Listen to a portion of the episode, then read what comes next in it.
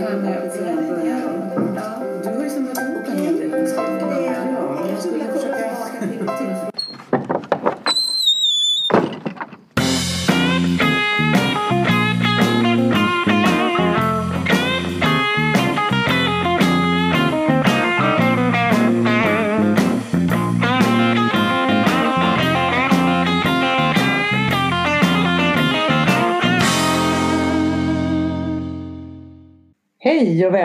till Leva Tillsammans-podden. Jag heter Susanne. Och jag heter Irene. Idag har vi vår shortcuts nummer fem. Ja, det har vi. Mm. En liten stund tillsammans med alla lyssnarna så här Mm. mitt, i, mitt i slutet på sommaren. Säger man så? Inte riktigt. Sensommaren. Sens, är vi redan på sensommaren? Ja, det skulle jag nog tro Ja. att vi är. Det är vi kanske. Ja. Ja. Hur som helst så kommer vi så småningom nu i augusti att fortsätta med våra vanliga poddar. Mm. Och eventuellt tillsammans eh, att vi kör någonting emellan också. Men det har vi inte bestämt ännu. Vi får Nej. se hur det blir med det helt enkelt. Ja, du menar formen på poddarna i Ja, höst? formen på poddarna. Ja, både frekvensen och formen. Ja. Ja. Vi kommer att fortsätta. Ja. Men vi vet inte riktigt hur. Men vi kommer att finnas där att lyssna på. Ja. ja, det gör vi. Ja. Och temat är alltid detsamma. ja. Och vad är det då? Relationer, men Det- på olika sätt och vis. Ja. Mm. Absolut. Mm. Så kan man säga. Ja. Mm. Och idag då, vi ska Mm. prata om eh, att du Ja. lyssnade på, eller Ja. hur går det dig? Alltså vet du hur jag egentligen... Jag ska berätta någonting för dig nu. Ja. Det är ju så här att jag har lyssnat på eh, några eh, avsnitt som gäller förhör i två olika rättegångar eller tre olika rättegångar egentligen. Jaha, typ Rättegångspodden eller? Eh, Det heter inte Rättegångspodden men det är Rättegången heter det. Okej. Jag vet inte om vi ska göra reklam för det men det heter så. Mm. Eh, och eh, jag tycker om att lyssna på de här autentiska förhören med Mm. de som har eh, gjort den här gärningen. Och eh, det som har slagit mig då egentligen i de här två sista som handlar om unga kvinnor som har faktiskt begått mord. Mm. På... Ja, i det ena fallet så var det en mamma som dödade sitt eget femåriga barn. Det är ju ganska starkt. Och ganska... väldigt starkt. Och i den andra podden så var det, eller i den andra rättegången så var det faktiskt en ung kvinna som i ett svartsjukedrama som mördade sin konkurrent. En annan Eh, kvinna alltså? En annan kvinna. Ja, de var bara 24 år någonting så de är väldigt unga. Mm. Eh, och eh, en man som faktiskt inte kunde besluta sig för vem han ville ha. Och de stod i princip bara och väntade på att han skulle välja någon av dem och han kunde inte Oj. göra det. Ja. Men i det här finns det en sak som har slagit mig och det är ju då att i båda de här fallen så har jag inte hört de här kvinnorna en enda gång nämna sina föräldrar mer än avsaknad av sina föräldrar skulle jag vilja säga. Och då har jag tänkt på det här lite grann. Vem är det som har lyssnat på de här flickorna? Kvinnorna ska jag säga. Det är kvinnorna. Ja, de är kvinnor. Ja, just det. För de är ju, den ena kvinnan är hon ju faktiskt förälder, förälder Mm. själv och hon är ju i 30-årsåldern men har haft ett väldigt, eh, väldigt eh, turbulent liv. Mm. Eh, och eh, jag, hörde inte, jag hörde inte henne nämna sin far en enda gång och modern eh, inte en enda gång mer än att hon fanns i periferin någonstans. Men inte... Jag kände det där liksom, vem har lyssnat på de här? Mm. Det, det är ju sådär att Frågar man efter föräldrar? Nej, inte någonting heller. Nej. Vem har du Eftersom fått stöd av? människor. Hur har du vuxit upp? Vad har du varit med om? Det man tar upp är ju lite grann kanske kring om man har varit, haft mycket drogberoende Mm. eller, eller att du har eh, vilken typ av behandlingar som det har varit i och så vidare. Mm. Då. Men de nämner ingen, ingenting om vilken typ av behandlingar. Och den ena kvinnan hade varit i flera behandlingar men nu var, och då var hon ju 14, 15, 16 år och nu är hon ju 31 år och samma så att säga sak pågår fortfarande ungefär. Och då, då, då är det bara det som slår mig. Var, var har de här kvinnorna fått stöd? Vem har lyssnat på dem? Inte så att jag menar naturligtvis att man alltid får ta ansvar för sina handlingar. Jag tänker bara att det är, för mig är det intressant att förstå vad det är som ligger bakom som kan leda fram till sådana här hemska eh, handlingar.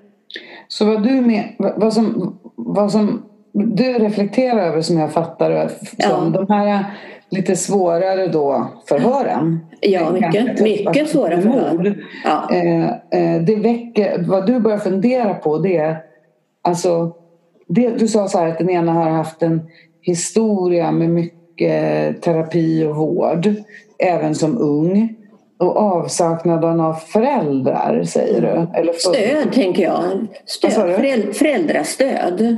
Föräldrastöd.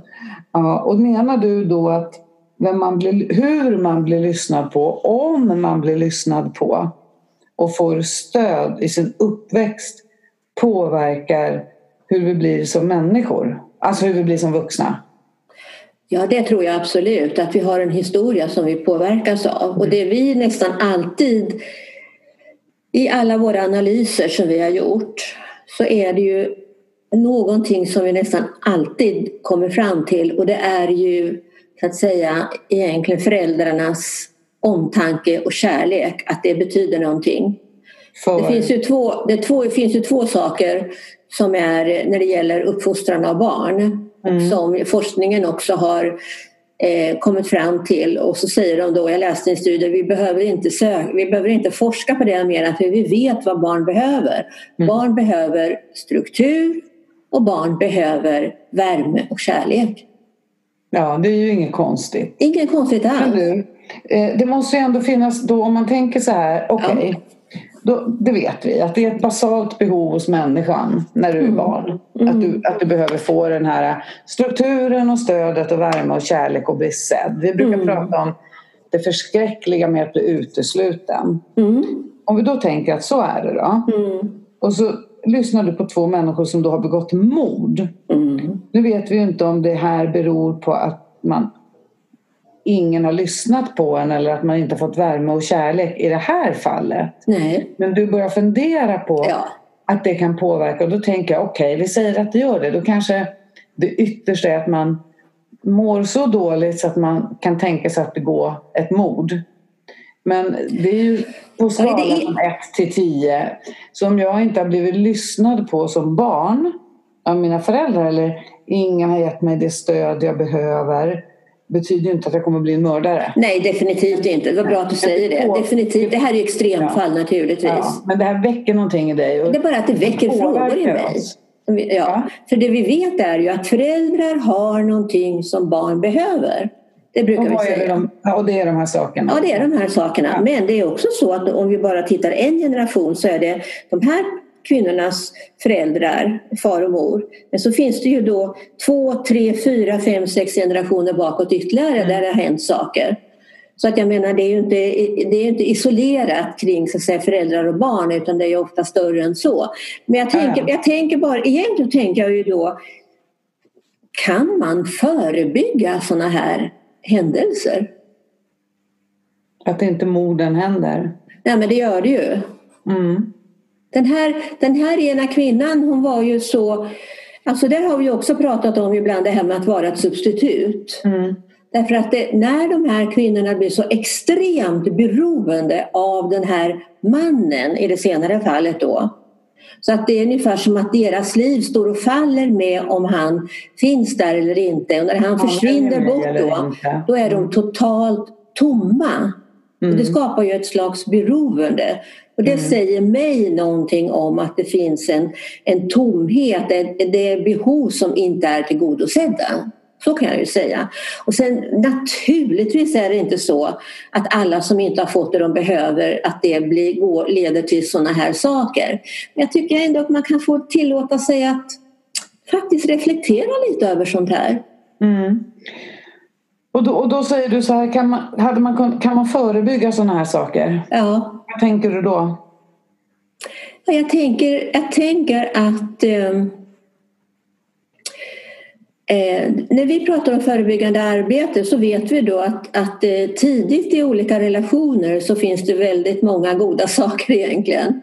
Och så vet vi att det finns en kurva som Mm. eh, blir sluttande. Det har vi ju sett väldigt många gånger också. Mm. Och det är naturligtvis så att man utsätts för påfrestningar. Det är väl ganska Eh, normalt. Ja, men att om man tittar på det, det när det ligger på topp då så finns det många goda saker att hämta där som man i bästa fall skulle kunna göra någonting av och använda sig av även senare. Förstår du vad jag menar då? Och det är ju egentligen att man ska få undervisning, föräldraundervisning, undervisning i skolor, undervisa barn, undervisa vuxna.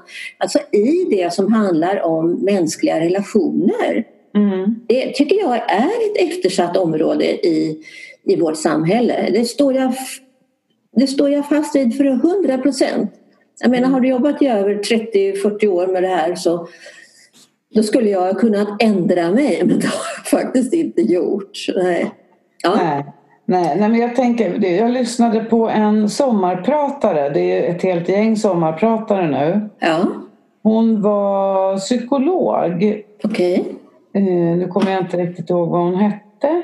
Mm. Men hon, hon kanske hette Anna Bennick eller något sånt där. Mm. Men vad hon sa, hon sa många bra saker, men hon sa just det här det du säger, att det är konstigt att man inte får utbildning i skolan om hur relationer fungerar. Mm. Att förstå det redan som en ung människa, det har vi pratat om också. Mm. Till exempel, om vi säger då att, att jag... Men, det är det här att, vara, att vilja vara mottaglig. För precis som att du kan vara ointresserad av religion i skolan Mm. så kanske du tycker att det är dötrist när någon kommer och ska prata. Ja, men det beror på hur man gör det där. Ja. Mm. Jag har ju jobbat nu som kurator i skolan både Mm. på eh, mellanstadium, högstadium och på gymnasienivå. Mm. Och om jag ska göra någon reflektion kring det eller ha någon tanke kring det så, fin- så tror jag att runt eh, mellanstadiet, barn är liksom 9, 10, 11 år, en underbar ålder och de tycker fortfarande att det är spännande och kul. Mm. Kommer du upp till eh, tonåringen som är liksom 15-16 år, Ja. ja, men då, är det, då, är det, då är det mycket svårare att... Mm. eh, Och det, det vet vi, det har ju att göra med deras egen utveckling och frigörelse eh, fas som de själva är i. Men de här 10, 11, 12-åringarna, där finns det så... Alltså de är så motiverade och de är så kunniga. Alltså de har en så otrolig kunskap. Eh, Så att eh, eh, där skulle man sätta in stora insatser tror jag, just när det gäller skolan. Och du som har förskolan, vad säger du om det? Kanske ännu tidigare? Ja, Nej, men jag tänker att man, alltså när, när man kommer till tioåringar, som du säger, alltså de är ju i den åldern det är så, femåringar är lite så, de kan liksom allt och allt är lätt. Och det är, Är det så? lätt. Femåringen? Harmoniska Åh. perioder. Ja. I förskolan tänker jag att det handlar om de vuxna. ja. I förskolan när man har små barn så måste man ju tänka att jag som vuxen, som pedagog, Absolut. Jag ska få utbildning i relationskompetens. Mm, mm, Så att jag i mitt bemötande och agerande mm. av de här små barnen Mm, och vårdnadshavare kan ha den här relationella kompetensen Mm. som stödjer, men hur löser man en konflikt mellan Mm, barn? Eller hur mm. pratar vi om?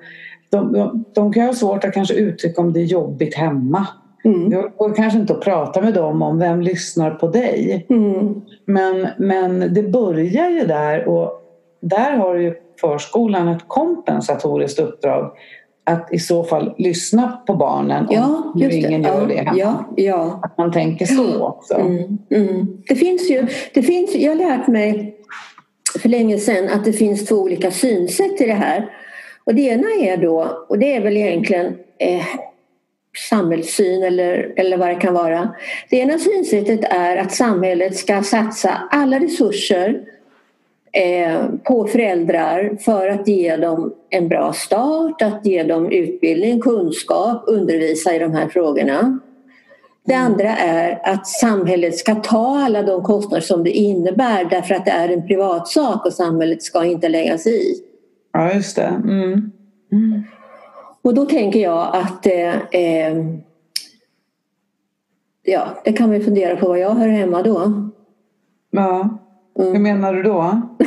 Jag menar att jag tycker att ett samhälle ska satsa allting på att ge föräldrar så mycket stöd som möjligt. Därför att det, man kan hitta riskrelationer och man kan göra en stor insats. För Om man inte vill som förälder då? Om man inte vill som förälder, nej, men ibland så... ja, det kanske är... Om det är någonting som är frivilligt, det kanske inte... Jag vet inte vad jag ska säga på det, men... men eh, det är så många andra saker som inte är frivilliga i vårt samhälle längre. Barn ska vara på skolan från det att de är sju år eller sex Mm. år. Där har, inte, där har vi inte heller några val längre. Jag tror- Föräldrautbildningsplikt. Ja. Precis som vi har ett körkort eller att vi går hundkurser eller vad det kan vara. Mm. Det är inte, jag tycker att det, det betraktas som väldigt känsligt och så men Mm. Det är att gå in i den privata sfären. Jag kan också tänka att ibland när vi pratar om till exempel barn som gör tokiga saker så Mm.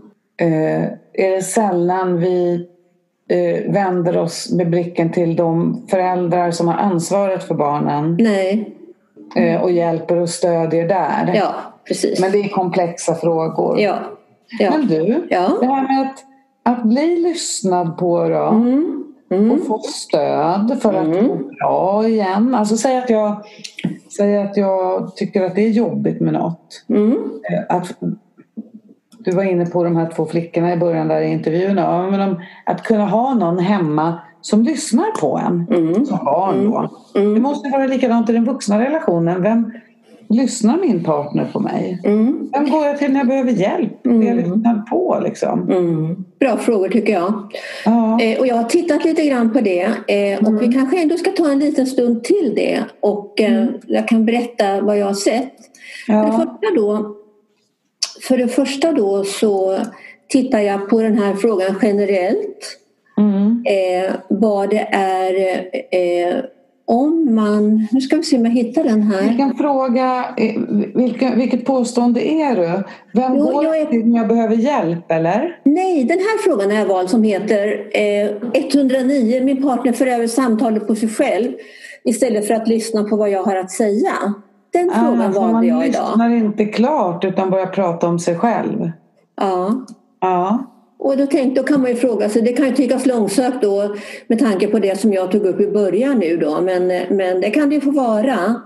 Men ändå så kanske det är så att saker och ting hänger ihop. Att det var egentligen Ja. den tanken jag hade då. Är det så att jag har inte blivit lyssnad på när jag varit barn? Att jag har någonstans lärt mig att ta hand om saker själva. Och det är också en annan sak i det här tänker jag. Att eh, hur vi ofta väntar på att någon ska komma och hjälpa oss. Ja, vad Eh, menar du att då? vi- ja, att någon ska lyssna på oss, att någon ska hjälpa oss ur den svårighet som vi har. Ja, Eh, istället för att kanske förstå att vi måste ta egna initiativ. och eget ansvar. Och eget ansvar Ja. som inte alls är lätt. Och Nej. som kan vara mycket smärtsamt och på alla dessa sätt. Bara att undervisa en sån sak. Det här är viktigt att du har kapacitet själv att göra saker på egen hand. Och du kan Ja. läka och ta hand om många problem. På, eh, så att det gäller att ge barn strategier för det. Men Mm. jag har tittat lite grann på män och kvinnor då när det gäller det här. Hur många uppfattar då att eh, eh, man har en partner som lyssnar eller inte? Mm. Eh, och för mannens del då eh, så, eh, är det, så instämmer då kan man säga 20 procent av männen tycker att partnern för över samtalet på sig själv istället för att lyssna. Ja, stämmer delvis och sen stämmer helt Nej, också. kumulativa procenten är 26 procent. Ja. Så är Ja. det. En Och för, Ja. ja, och för kvinnors del är det 30 procent. lite fler. Något flera kvinnor. Något Ja. fler. Ja. Och då menar vi så här då att vad, vad, vad vi frågar efter här det är om man upplever att partnern lyssnar på vad jag har att säga eller om de börjar prata om sig själva istället.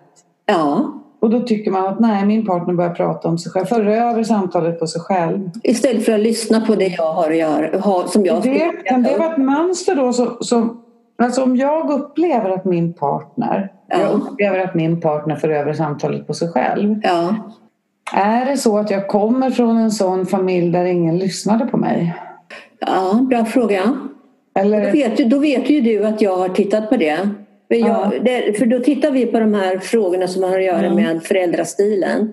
Mm. Och då, jag, då har jag först tittat på det, hur den här frågan då hör ihop med far, faderns krav, lydnad, intresse och känslor. Mm. Då kan man se att det finns inte någon eh, stor, stark korrelation mellan, mellan de här frågorna. Så då har jag inte gått vidare med den frågan. Nej, nej. faktiskt. Nej. Nej. Eh, och sen har jag tittat då på eh, samma fråga när det gäller eh, kvinnor. Mm. För mammorna, ja, för mammorna, förlåt, mammorna. Och då kan man se helt plötsligt då att där finns det en, en, ett samband mellan eh, en mors kärlek och omtanke som vi har Ja. pratat om Till sitt barn. Till sitt barn. Ja. Både Eh, pojkar och flickor. ja, framför allt männen faktiskt. Att bli lyssnade på av sin mamma. Ja, det vet vi inte. Utan då har Nej. jag tittat Men på... känslor, mammans känslor, hur mamman visar känslor. Ja, och då har jag, i nästa steg har jag då gjort den här analysen på den frågan. Min partner för över samtalet på sig själv istället för att lyssna på vad jag har att säga. Och mammans känslor. Då kan man se att för männens del, att när man har fått det man behöver så Mm. upplever man inte i lika hög grad att man har en partner som inte lyssnar. Så man är en bättre partner. Man upplever att man, partnern är bättre på att lyssna så att säga. Är det en upplevelse eller är, har man valt en partner som är bättre på att lyssna? Det, vem vet? kan man fundera över. Ja, Ja. ja, men är det så? Ja, bra fråga tycker jag. Kan du säga vad det var för fråga egentligen i det?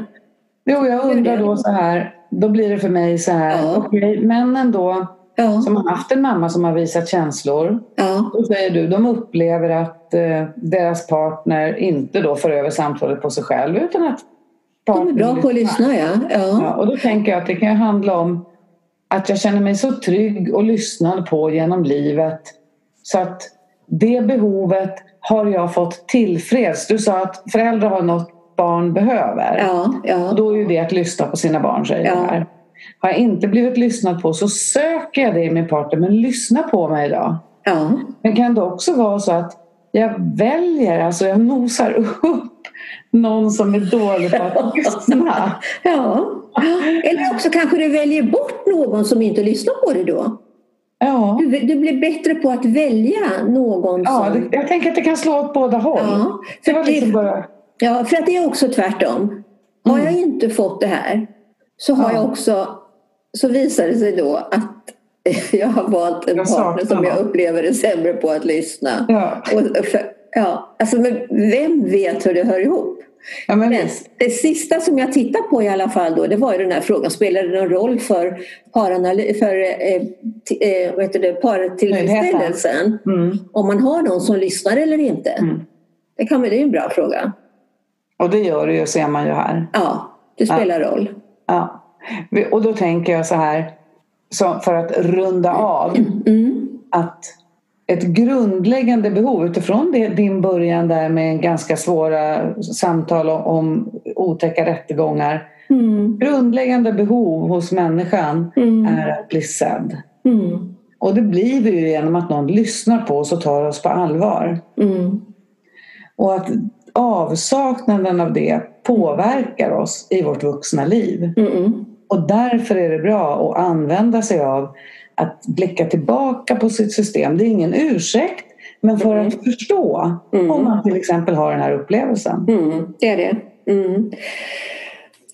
Det finns också någonting som jag tycker är lite intressant just när det gäller konstellationer. Det finns ett, ett bra uttryck där. Och det är när vi tvingas bli självlärda så gör vi många misstag. Ja, Och de här misstagen är ju då lite grann hur, alltså hur vi handskas med trauma eller svåra upplevelser. Det är en kamp, det är en flykt, det är ett undvikande och den sista delen är då att överlämna sig. Alltså man, Mm. man släpper taget och eh, Ja. tar emot dem, kanske den sorg, den, den eh, vad det nu kan vara för känslor Mm. som behöver på något vis och som är förknippade med det, det svåra som man har gått igenom. Mm. Men att många av oss ägnar väldigt mycket tid åt flykt och att undvika. Och jag vet inte om man på något sätt kan... Det är klart att i någon bemärkelse så hittar vi lösningar på saker och kanske tror vi att en drog är en lösning på ett problem.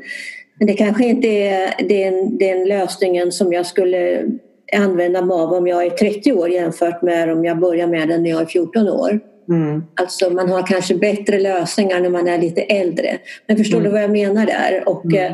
eh, så de här, de här unga kvinnorna har ägnat sig säkert mycket åt, åt både kamp och flykt och undvikande. Mm. Mm. Och har behövt stöd och någon som har lyssnat på dem.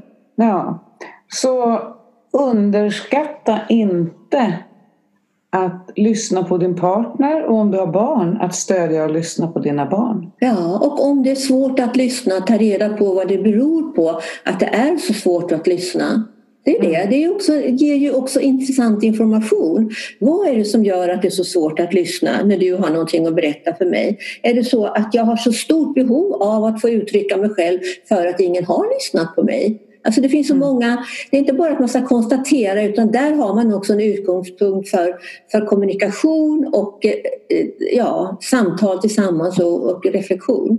Mm. Och det är väl det jag tänker egentligen att just eh, ett förebyggande arbete är. Det är ju att få en undervisning eller att få reflektera tillsammans eh, med varandra eller med andra om det här. Mm. Ja, det var en bra avrundning. Förebyggande Jaha. arbete, lyssna på varandra. Tack för idag. Ja, tack för idag.